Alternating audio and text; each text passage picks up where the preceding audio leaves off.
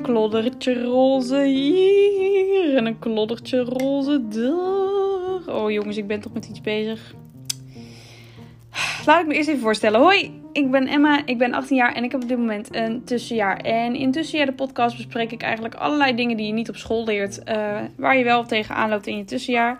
En eh, ik ben op dit moment bezig met het beschilderen van een LP.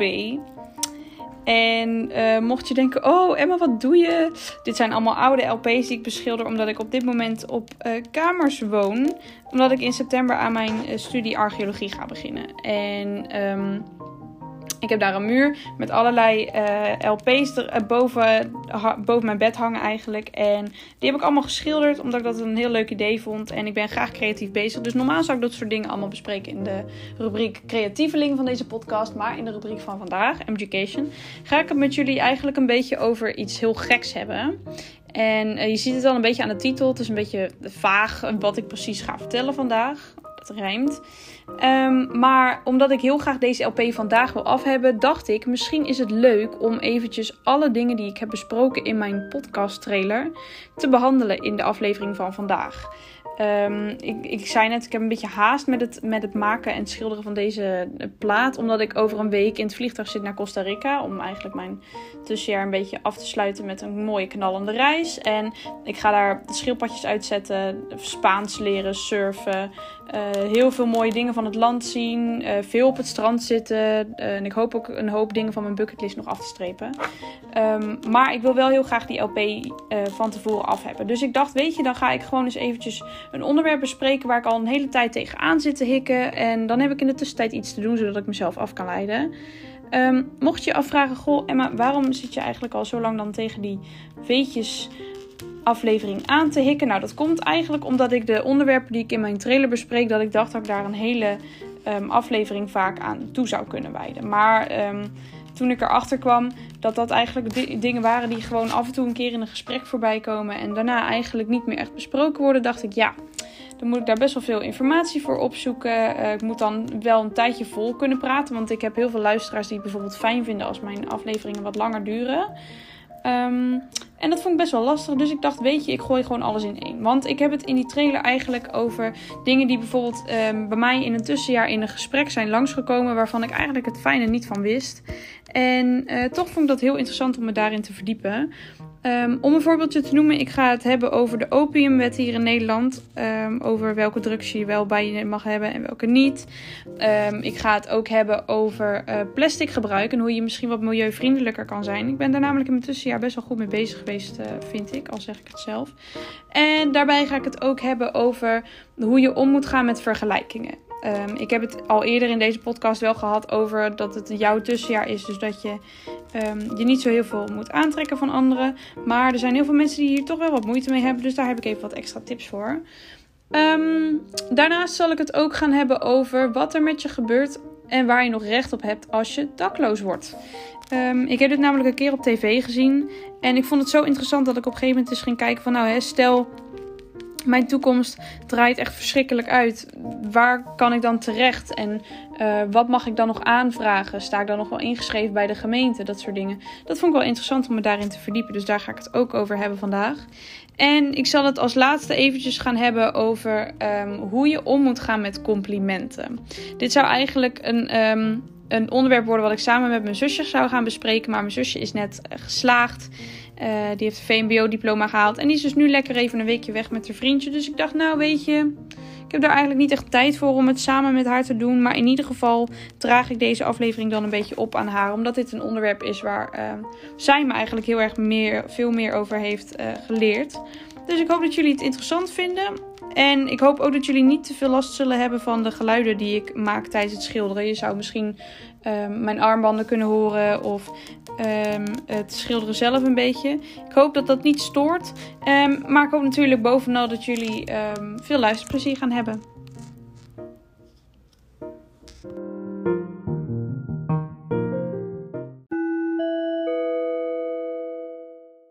Onderwerp 1. De opiumwet.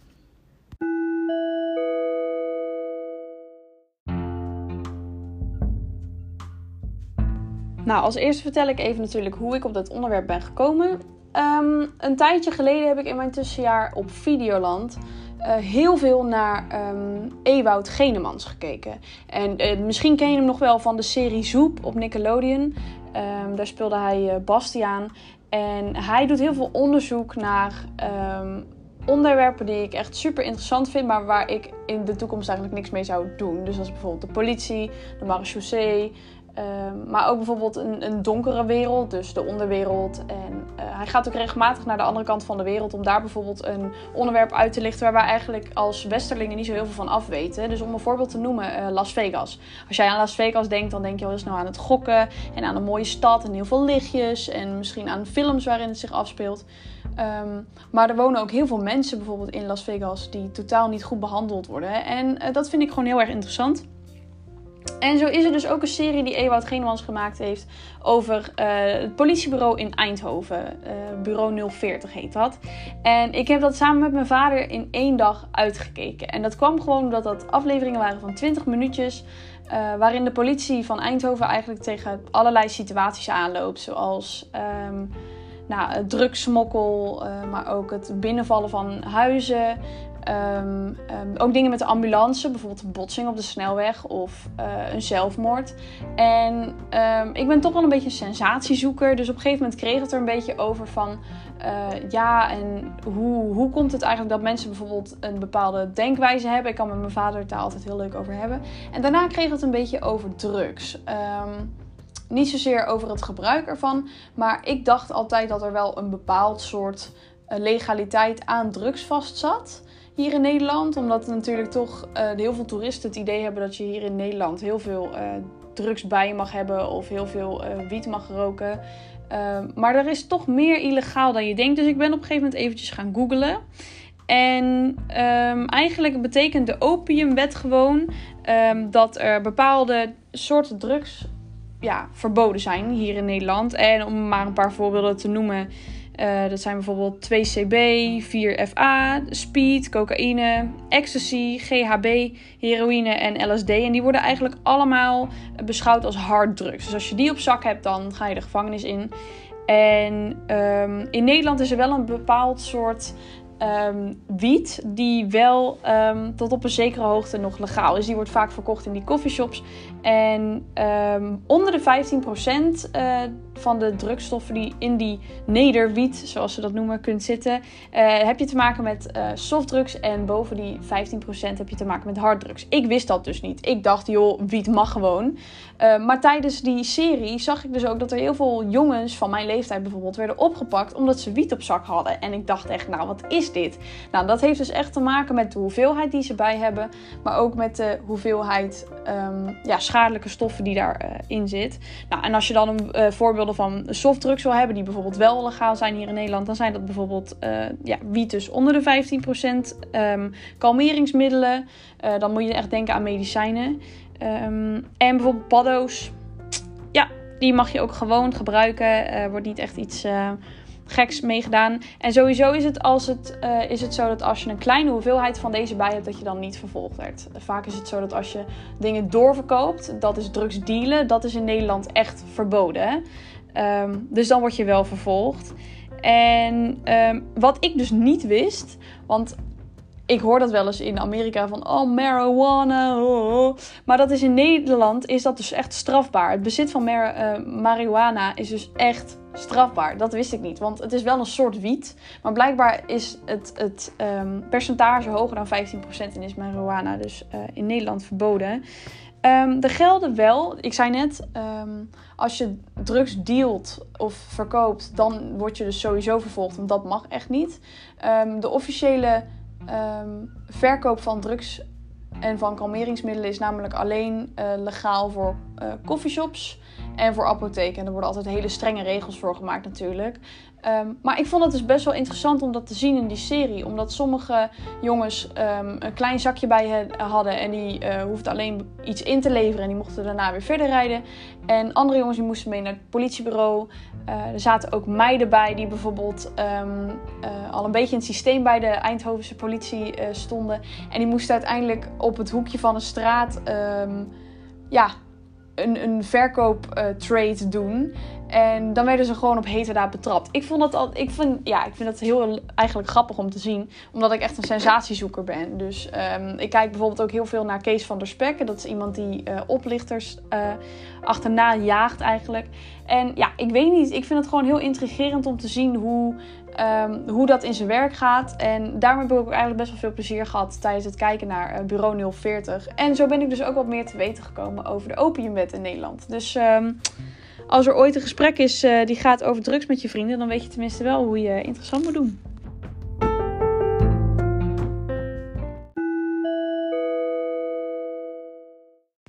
Onderwerp 2. De natuur.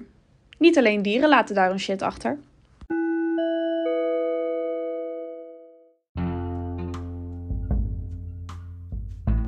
Wat ik zeg is waar, toch? Ik bedoel, niet alleen dieren poepen en plassen in de natuur. Maar ook Nederlanders laten hun shit achter. Uh, wij mensen zijn heel erg geneigd om um, de natuur maar aan te passen, aan te laten passen aan ons. Terwijl eigenlijk moet het precies andersom zijn. Ik hoop dat ik dat ook straks uh, in Costa Rica ga ervaren. Um, eigenlijk is de natuur er en moeten wij als mens ons daaraan um, laten aanpassen. En ik denk niet dat heel veel mensen dat beseffen. Want weet je, je hoort al heel veel op het nieuws van goh, uh, je moet uh, hierop letten en er komt een nieuw plan voor minder CO2 en zorg voor een wat uh, ecologischere manier van eten. Je weet het ook wel als je in de supermarkt staat, dan kun je allemaal kiezen tussen beter leven en biologisch. Maar ik heb eigenlijk het idee dat niemand echt de harde cijfers weet van wat we bijvoorbeeld met plastic doen. Um, want er wordt regelmatig reclame gemaakt van goh, hè, kies voor vlees als je vlees eet van beter leven. En dan minimaal twee sterren bijvoorbeeld. Uh, dus je weet wel ongeveer uh, waarom je dat doet natuurlijk. Omdat uh, heel veel vlees eten voor een grote CO2-uitstoot zorgt. dat heb je vast wel eens een keer op school gehad. Ik tenminste wel echt heel veel. maar ik had nooit echt de impact van plastic ergens op papier staan. aan het begin van mijn tussenjaar had ik namelijk een lijstje gemaakt. En daarin legde ik aan mezelf uit op welke manieren ik nou een beetje ja, milieubewuster wilde zijn. Dus ik wilde heel graag, uh, om een voorbeeld te noemen, um, een, een bamboe uh, tandenborstel. Omdat ik dacht van nou weet je, dan uh, bespaar ik tenminste plastic. Omdat ik dan niet van die gekke opzetstukjes voor mijn elektrische tandenborstel nodig heb. die heb ik uiteindelijk niet gekocht. Maar ik heb wel heel goed opgelet op bijvoorbeeld um, mijn stekkerverbruik. Ik was altijd zo iemand die um, stekkers in stopcontact deed. En zodra mijn telefoon was opgeladen, dan liet ik de stekker erin zitten. En dan ja, heb je sluipstroom. Dat is ten eerste heel slecht voor je huisrekening. En ten tweede is het ook slecht voor het milieu. Um, ik ben al wel een tijdje flexitariër geweest. Um, dat is denk ik al serieus wel sinds het begin van de middelbare school zo geweest. Ik eet echt niet elke dag vlees. En soms kies ik ook voor een vleesvervanger. Dus dat is bijvoorbeeld uh, falafel om een voorbeeld te noemen. In plaats van vlees of een bonenburger in plaats van een, een echte vleesburger. En ik vind het ook heel leuk om te zien dat bijvoorbeeld eh, fastfoodketens als McDonald's nu ook steeds meer vegan of veganistische um, manieren hebben om toch aan je eten te komen. En um, ja, ik had op dat lijstje stond bijvoorbeeld ook nog meer bij um, dat ik, ja, even denken hoor. Volgens mij had ik ook iets opgeschreven over dat ik een uh, groene zoekmachine zou gebruiken. Dus in plaats van Google te gebruiken heb ik Ecosia gedownload. En elke keer als jij iets zoekt, dan wordt er per 23e zoekopdracht een boom geplant. En toen dacht ik, nou, dat is mooi, want er worden heel veel bomen gekapt. En um, dat vond ik eigenlijk wel een hele goeie. En dat vond ik een hele fijne. En ik ben op dit moment heel erg hard op zoek naar een uh, vervanging voor mijn uh, maandverband tijdens mijn maandelijkse periode. Uh, ik heb dit jaar wel wat dingetjes uitgeprobeerd, maar dat was toch niet helemaal wat ik zocht. En daarom ben ik nu nog heel hard uh, bezig met die uh, zoektocht. En wat ik ook heb op dit moment zijn recyclebare watjes. Dus in plaats van dat je een watje gebruikt voor je make-up en het dan gelijk in de prullenbak gooit, heb je ook watjes die je gewoon kunt wassen. En dat vind ik echt ideaal, want dan ben ik ten eerste niet zoveel geld kwijt. En ten tweede ben je dus echt milieubewuster bezig. Dus dat zijn een beetje de dingen waar ik op dit moment echt mee bezig ben. Um, en voor de rest heb ik me een beetje verdiept in hoe het zat met het plastic gebruik hier um, in de wereld eigenlijk. Want um, ik ben echt iemand die niks in de natuur weg kan gooien. Eh, je ziet wel eens mensen, bijvoorbeeld als ze in de auto zitten, iets uit het raam gooien uh, of iets op de grond liggen. Ik ben ook echt iemand die dat gewoon zou opruimen. Um, en ik weet eigenlijk niet waar dat vandaan komt. Ik denk dat dat een beetje komt doordat we op een gegeven moment overgingen tijdens het shoppen van de plastic tasjes naar de um, papieren tasjes. Ik werk op dit moment ook bij de Efteling en ik merk ook echt die plastic tasjes moeten eruit. Ik vind het echt verschrikkelijk om die dingen mee te geven, want ik denk echt ja, maar jongens, gewoon papier. Papier kunnen ze gebruiken, wordt gerecycled, kunnen ze gewoon in de papierbak doen. Ik scheid namelijk thuis ook altijd mijn eh, afval. Dat klinkt heel gek, maar uh, ik probeer het altijd goed te scheiden, laat ik het zo zeggen. Um, dus uh, papier, plastic, groen, um, restafval, daar ben ik altijd wel heel erg goed mee bezig geweest. En toen ging ik me dus even verdiepen in um, hoe het zit met de harde cijfers als het gaat om plasticverbruik en ook plastic waste. Ik ga namelijk uh, in Costa Rica ook stranden schoonmaken. En ik denk echt dat het mij gaat verbazen hoeveel plastic daar wel niet aanspoelt. Je ziet het soms ook wel eens als je gewoon naar het strand gaat in Zeeland. Um, of iets in die richting. Dat je dan ineens denkt, hé, hoe komt dit nou hier? Nou, dat is dan vaak 9 van de 10 keer gewoon aangespoeld. En um, ik schrok me eigenlijk een hoedje toen ik eventjes wat cijfertjes ging opzoeken. Um, het is namelijk bekendgemaakt dat er 368 miljoen ton in 2019 aan plastic is geproduceerd. En dat wij per persoon per jaar 33 kilo weggooien. Dus moet je even nagaan dat wij allemaal eigenlijk meer weggooien aan plastic dan dat er wordt geproduceerd. En 9 van de 10 keer belandt dat op een plek waar het eigenlijk niet hoort. Je kunt het namelijk ook nog steeds heel braaf gewoon in de plastic bak doen. Uh, maar ik denk dat jullie allemaal wel een keer het nieuws hebben gezien. Um, soms gaan er containers overboord. Um, of gaat er iets met de productie fout. Belandt het in een rivier. Uh, je weet eigenlijk nooit waar je plastic terecht komt. En wat mij vooral opviel was dat de Amerikanen eigenlijk ja, de grootste troep maken. Het viel me op, maar het verbaasde me niet echt. Um, omdat ik ook wel het idee heb dat Amerikanen een beetje bekend staan om een ongezonde levensstijl. En dat is natuurlijk wel een oordeel, want er zijn genoeg Amerikanen die wel heel goed met het milieu bezig zijn. Maar er zijn natuurlijk ook veel meer dan wij Nederlanders. Wij Nederlanders komen niet eens in de top 10 voor, dus we doen het eigenlijk best wel prima. En um, het bizarre alleen wat ik daarna las, is dat um, in, sinds plastic is uitgevonden, is er 5 miljard ton tot nu toe in zee beland. Moet je eens even nagaan hoeveel dieren daaraan zijn gestorven. En hoe erg ons ecosysteem daardoor eigenlijk een beetje overhoop is gehaald. Ik vind dat echt 5 miljard ton, hè? Even serieus. Dat is net ietsie minder dan het aantal mensen op aarde.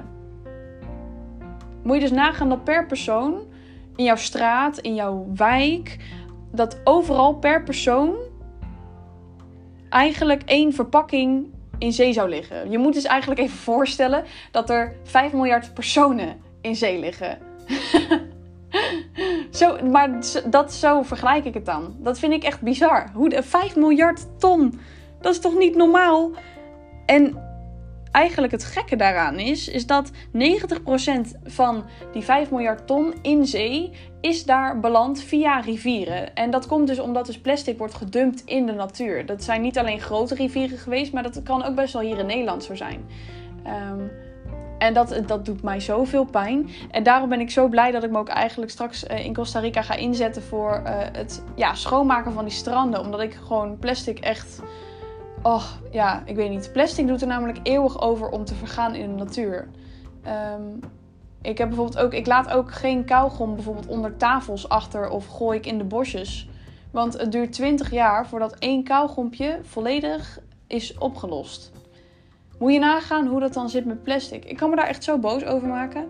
Dus um, zorg dat je een beetje, als je een tussenjaar neemt, dat je daar milieubewust mee omgaat als dat natuurlijk ook je interesse heeft. Hè. Ik had aan het begin ook wel zoiets van: oké, ik wil dit echt heel graag doen. Ik wil me heel graag voor het milieu inzetten en voor de natuur. Um, maar als je zelf het idee hebt dat je dat niet volhoudt, dan moet je het ook niet doen. Want um, oké, is goed. Ze zijn aan het schreeuwen bij mij op de binnenplaats. Dat vind ik niet zo leuk. maar goed, in ieder geval. Um, mocht je het idee hebben van oké, ik wil dit echt een keer goed uitproberen, kijk dan ook wat voor jou werkt. Want echt elk klein beetje helpt gewoon. Uh, als je ervoor kiest om een maand vegetarisch te proberen, daar heb je al een hoop mee geholpen. En tuurlijk is het zo dat je als je het met een grotere groep doet, dat het dan veel meer helpt. Maar kijk naar wat jij kan doen. Want ik merkte echt heel erg aan mezelf op het moment dat ik me bezig ging houden met milieu. Dat deze cijfers die ik dus net heb opgenoemd, dat die mij ook dus ook oprecht verbazen. Het kan zijn dat je niks doet. Ehm, dat geeft natuurlijk ook niks. Maar ik ben heel graag in mijn tussenjaar bezig geweest met die milieubewustere levenskeuzes. En ehm, ik vind dat echt een ontzettende aanrader. Omdat je ook bewuster van jezelf wordt. Van wat je verbruikt, wat je eet, uh, wat je doet.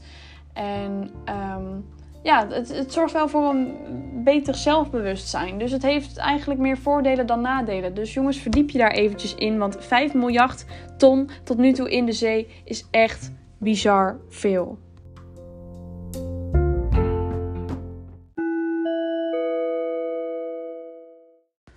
Onderwerp 3. Vergelijkingen.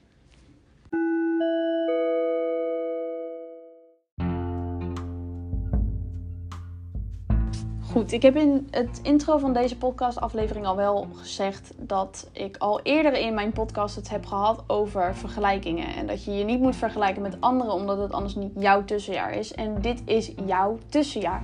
Dus zorg gewoon dat je dingen doet die jij leuk vindt. Trek je niets van anderen aan. Maar dat is natuurlijk makkelijker gezegd dan gedaan. Ik ben echt lekker op de rijmdreef vandaag, merk ik al. Um, en dat komt eigenlijk ook omdat ik een heel tussenjaar erover heb moeten doen om over sommige dingen gewoon even plat gezegd geen fuck te geven.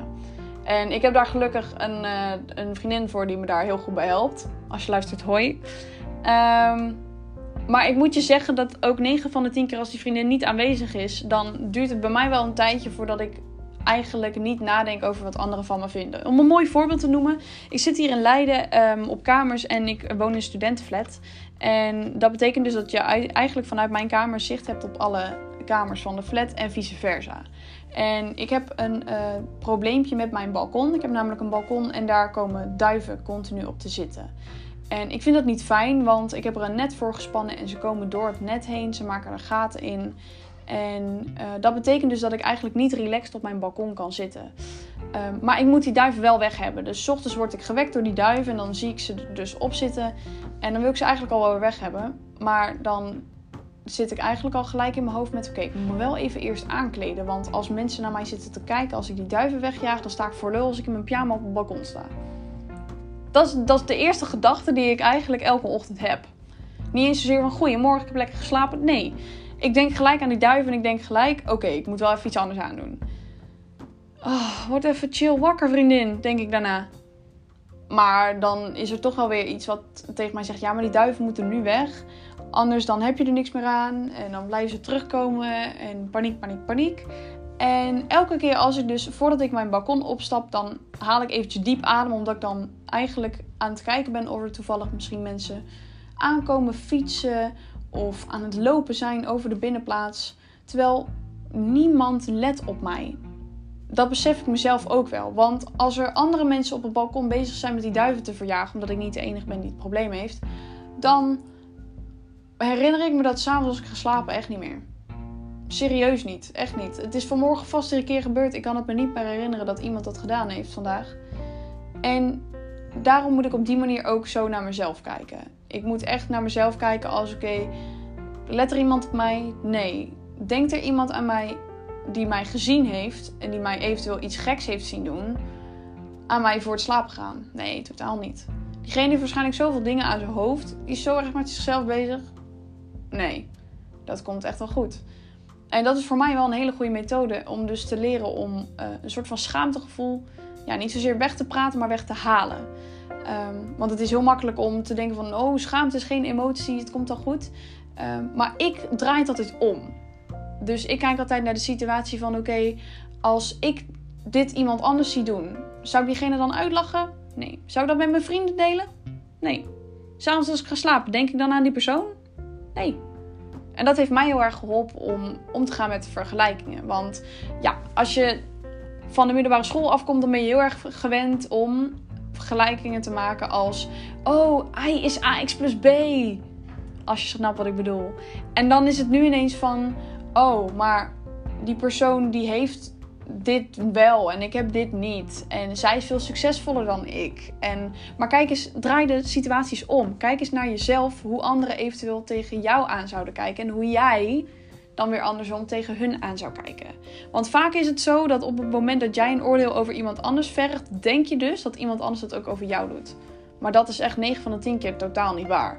Ehm, ik moet bijvoorbeeld zeggen dat ehm, nu ik in de Efteling werk, dat er wel eens collega's zijn die heel erg opscheppen over uh, hoe goed ze het werk doen en over dat ze promotie krijgen, dat ze heel veel mensen kennen. En aan de ene kant word ik dan natuurlijk jaloers van, want ik wil ook mijn, ja, mijn my way to the top een beetje krijgen. En ik wil ook um, veel vrienden daar. En ik wil ook um, mijn werk uh, zo goed doen dat ze ja, naar me toe komen en zeggen van... Goh, hè, je verdient een promotie. Maar op het moment dat ik dat ga bedenken, dan kijk ik eigenlijk een beetje van... Maar zou ik er dan nog wel plezier in hebben? Dus ik draai de situatie om van oké, stel ik heb het, wat dan? En ja, dan heb ik 9 van de 10 keer daar geen antwoord op.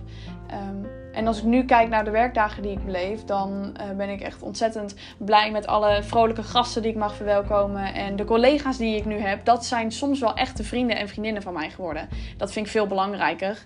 En um, ik heb met de collega's die ik op dit moment heb, en waar ik bijna um, vaker dan vijf keer of zes keer mee heb gewerkt, daar heb ik nu ook app-contact mee. En het is heel handig om iedereen te kennen.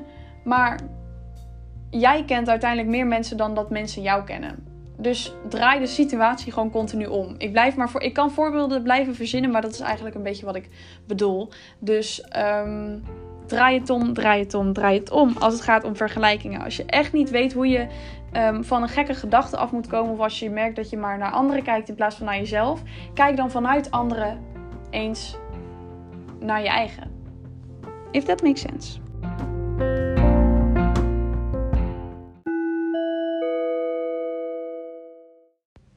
Dakloos worden of dakloos zijn. Dat is pech. Huis weg.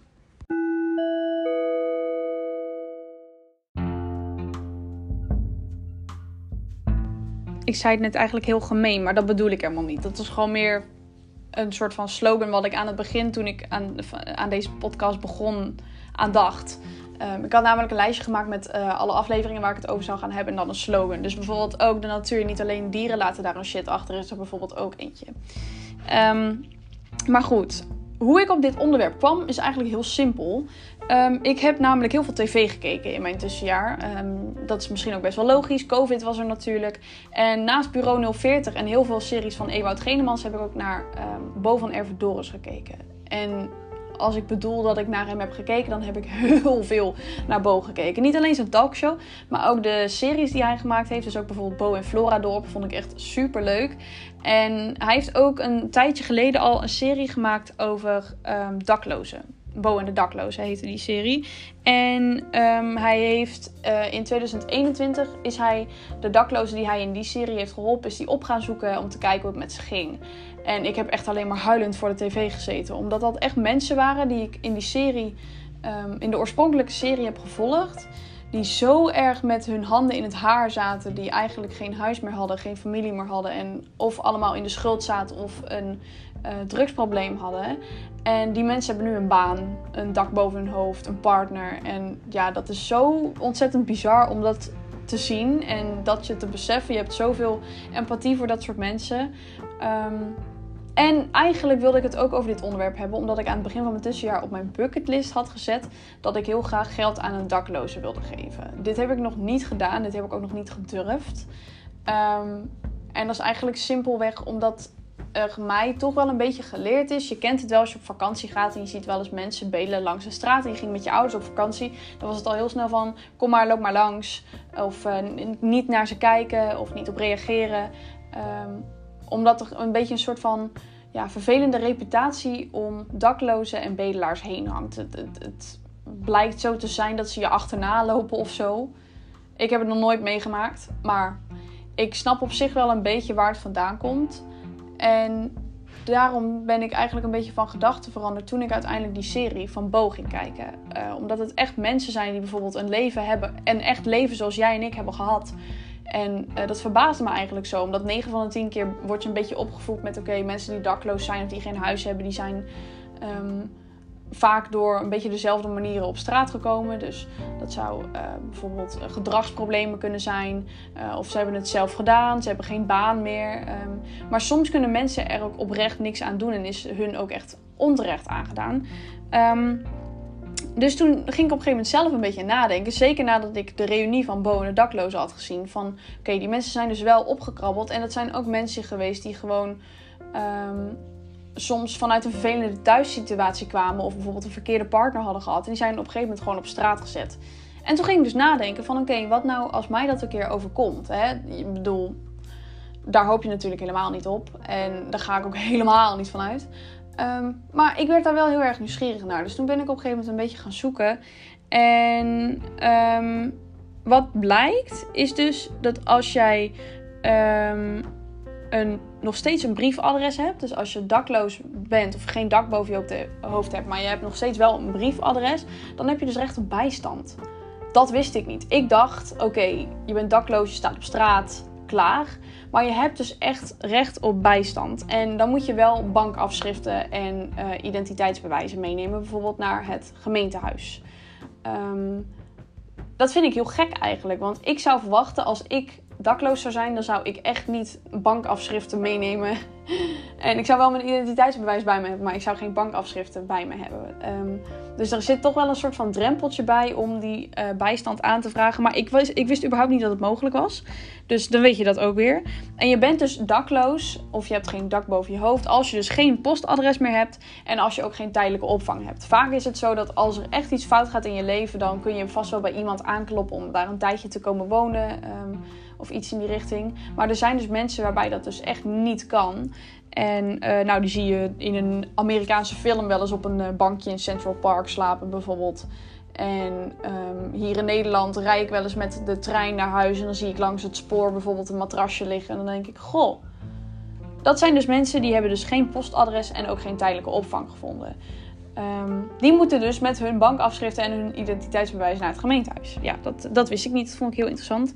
En uh, die bijstand wordt gegeven in plaats van geld. Normaal als jij uh, um, bijvoorbeeld in de bijstand belandt terwijl je nog wel een postadres en een dak boven je hoofd hebt, uh, dan krijg je dat in de vorm van geld. Maar als je dakloos bent, dan krijg je dat in de vorm van goederen of een slaapplaats. Um, er zijn heel veel dakloze opvangen hier in Nederland. Hier in Leiden zit er ook eentje. En um, dat is dan jouw vorm van bijstand. En uh, je kan daar ook bijvoorbeeld um, kleding, nieuwe kleding voor krijgen of um, voedsel. En um, dat vind ik eigenlijk wel een mooie. Want ja, als jij bijvoorbeeld in de schulden zit of uh, je hebt een drugsprobleem als dakloze zijnde en je krijgt geld als bijstand, dan ja, staat er toch vaak wel onbekend dat dat 9 van de 10 keer niet heel goed afloopt. En dan is het dus ook zo dat als je schulden hebt of verslaafd bent, dan krijg je dus ook hulpverlening. En uh, nou, in het geval van een verslaving, dan zou dat dus een kliniek kunnen zijn. Dat heb ik bij uh, Bo en de daklozen ook gezien. Uh, Bo die ja, plukte eigenlijk die mensen van, van de straat. Die vroeg naar zijn verhaal en die zei van oké, ik ga je helpen. En als ze een drugsprobleem hadden, dan werden ze dus eerst naar een kliniek in Amerika gestuurd. Uh, maar als er mensen bijvoorbeeld ook schulden hebben... Dit heeft Ewout Genemans bijvoorbeeld in een van zijn series laten zien... dat er heel veel mensen zijn met gokschulden in Las Vegas en die dus dakloos zijn... Um, die krijgen bijvoorbeeld een uh, cursus budgetbeheer. Zodat ze weten wat ze moeten doen met hun inkomsten, hun uitgaven, hoe ze dat opschrijven en hoe ze een beetje met geld om moeten gaan.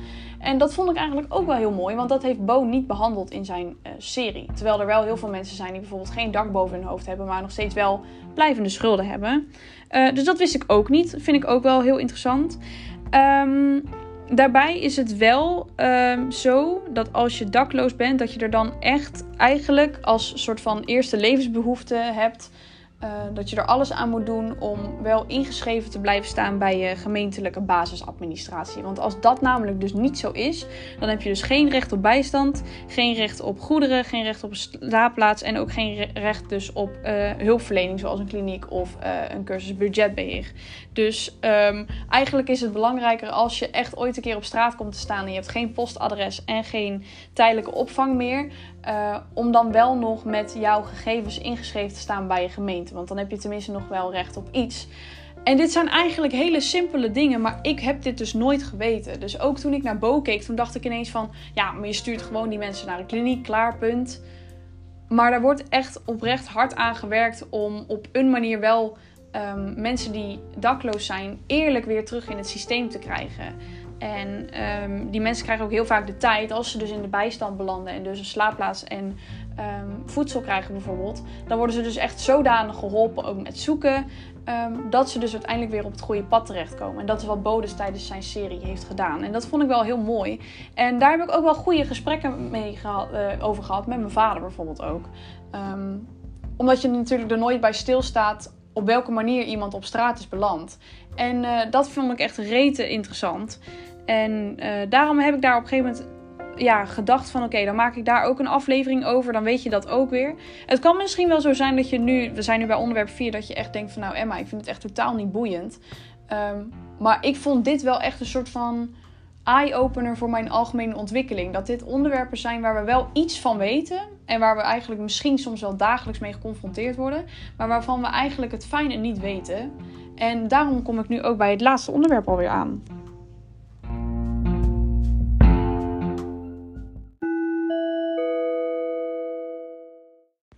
Complimenten.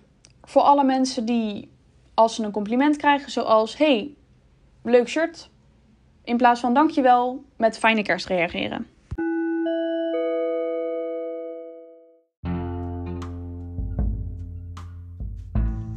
In het intro van deze podcastaflevering zei ik eigenlijk dat ik dit onderwerp met mijn zusje zou bespreken, omdat mijn zusje best wel moeite heeft met complimenten in ontvangst nemen.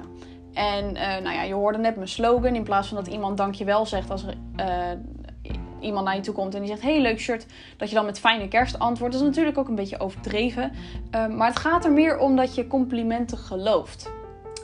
En dit heeft heel erg te maken met zelfliefde. En daar wilde ik het gewoon eventjes over hebben. Omdat ik ook in mijn vorige aflevering over liefde en vriendschap het ook heb gehad over. Um, sorry. Over uh, hoe je wat meer van jezelf kunt leren houden. Um, en ik denk dat dat ook invloed heeft op um, de ontvangst van bepaalde complimenten. Ik moet namelijk zeggen dat aan het begin van mijn tussenjaar vond ik het heel lastig uh, om um, mezelf in de spiegel aan te kijken. Omdat ik dacht van, nou ja, ik heb altijd iemand nodig die tegen mij zegt dat ik leuk ben. En um, ja, ik geloof het toch niet echt als mensen zeiden, hey, je haar zit leuk. Dan dacht ik, sure.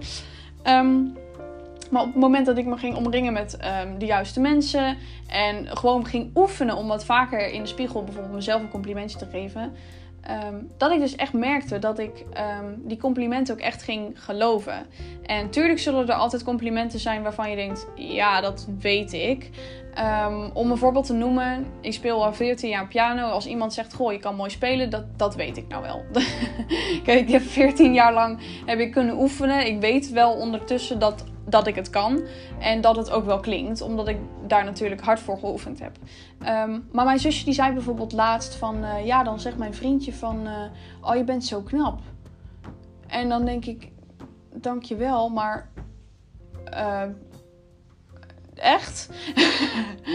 en toen heb ik haar de tip gegeven om um, complimenten ten eerste in ontvangst te nemen. Dat is altijd de, eerste stap. Heel veel mensen hebben, zeker als wij Nederlanders, uh, de neiging om te zeggen: Oh ja, vind je? Of uh, nou, valt wel mee hoor. Of uh, als iemand zegt: Heel leuk shirt van ja, bij de HM gehaald. Nee, zeg gewoon eens: Dankjewel. Lief dat je dat zegt.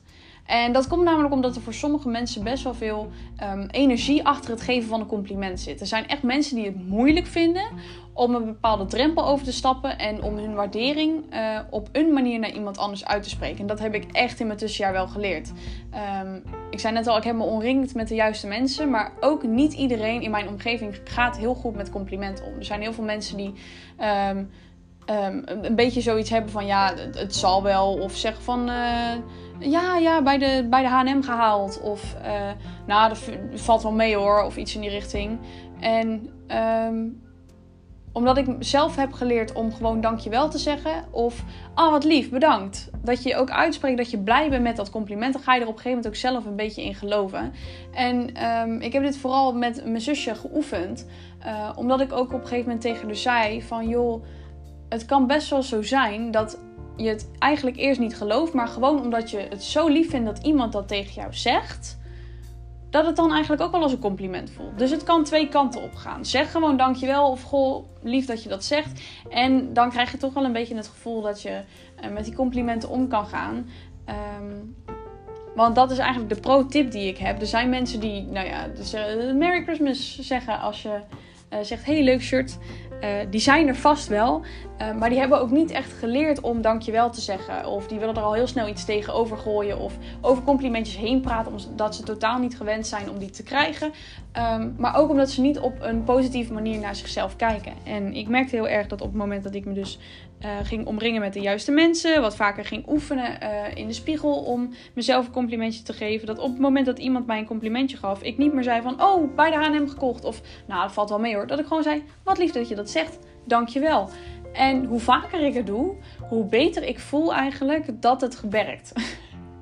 en dat is misschien heel stom, um, maar dit zorgt wel heel erg voor de positieve mindset die ik nu heb. En um, een positieve mindset is eigenlijk wel essentieel in je tussenjaar. Um, want er gaan ook heel veel dingen gebeuren die bijvoorbeeld niet um, echt volgens plan zijn. Uh, en dan is het maar alleen maar heel mooi als er iemand tegen je zegt van... Goh, goed opgelost. Of wat leuk dat je dat gedaan hebt. En dat je dan dankjewel zegt. Um, omdat het ja, in mijn geval een beetje goed maakt wat er misschien eventueel is fout gegaan. Dus dat is eigenlijk mijn pro-tip voor die complimenten. Leer gewoon dankjewel zeggen.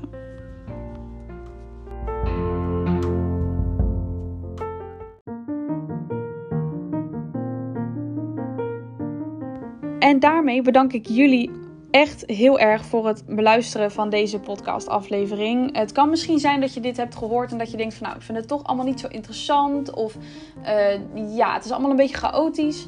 Dat is gewoon simpelweg met de reden dat ik in mijn trailer deze op, uh, onderwerpen heb benoemd. En dat ik zoiets had van nou weet je, ik wil het daar wel heel graag uh, in een aflevering over hebben. Omdat dit onderwerpen ook zijn waar ik in mijn tussenjaar mee te maken heb en heb gehad. En dat is in ieder geval um, het hele doel van deze podcast. Mocht je dit nou uh, geluisterd hebben en denken van nou, ik wil ook een, uh, een tussenjaar, dan zijn dit dus onderwerpen waar je eventueel mee uh, te maken zou kunnen krijgen. En ik hoop daarom ook dat mijn informatie en mijn tips hebben geholpen. Um, als je deze aflevering nou leerzaam hebt gevonden of je vond het gewoon even fijn om naar mijn stem te luisteren, dan kun je een review achterlaten op Spotify, Apple Podcasts, Anchor.fm, Breaker, Google Podcasts, Pocketcasts en Radio Public. En um, dan ben ik er volgende week weer. Um, wel met de mededeling dat mijn uh, podcastaflevering van volgende week de laatste voorlopig gaat zijn. Er komen er nog wel een paar um, voor tussenjaar de podcast, want mijn tussenjaar komt natuurlijk wel tot een eind, maar is dan nog niet voorbij. maar ik ga natuurlijk een maand weg en mijn zomervakantie is voor de rest heel druk met het hopelijk behalen van mijn rijbewijs. En um, ook met uh, de introductieweek van mijn studie. En ik ga naar een festival en ik heb een concert op de planning. En ik hoop ook mijn vaccinatie voor corona te halen. Um, dus ik heb een hoop te doen. Uh, dus ik weet nog niet precies wanneer um, de aflevering na volgende week geüpload wordt. Maar in ieder geval niet getreurd er komen er nog een paar aan. En de aflevering van volgende week, die upload ik iets eerder dan normaal. Normaal staat hij altijd om 4 uur online op vrijdag. En nu doe ik het om 12 uur, omdat ik om 1 uur in het vliegtuig zit naar Costa Rica. En ik zou het heel leuk vinden om uh, toch nog eventjes iets te laten weten op social media dat mijn podcast aflevering online staat. En die aflevering van volgende week gaat over iets heel speciaals. En um, ja, ik hoop dat jullie daar in ieder geval weer met heel veel plezier naar willen luisteren. En um, ja, wish me good luck on my trip. Ik spreek jullie um, heel snel weer. Dikke kus.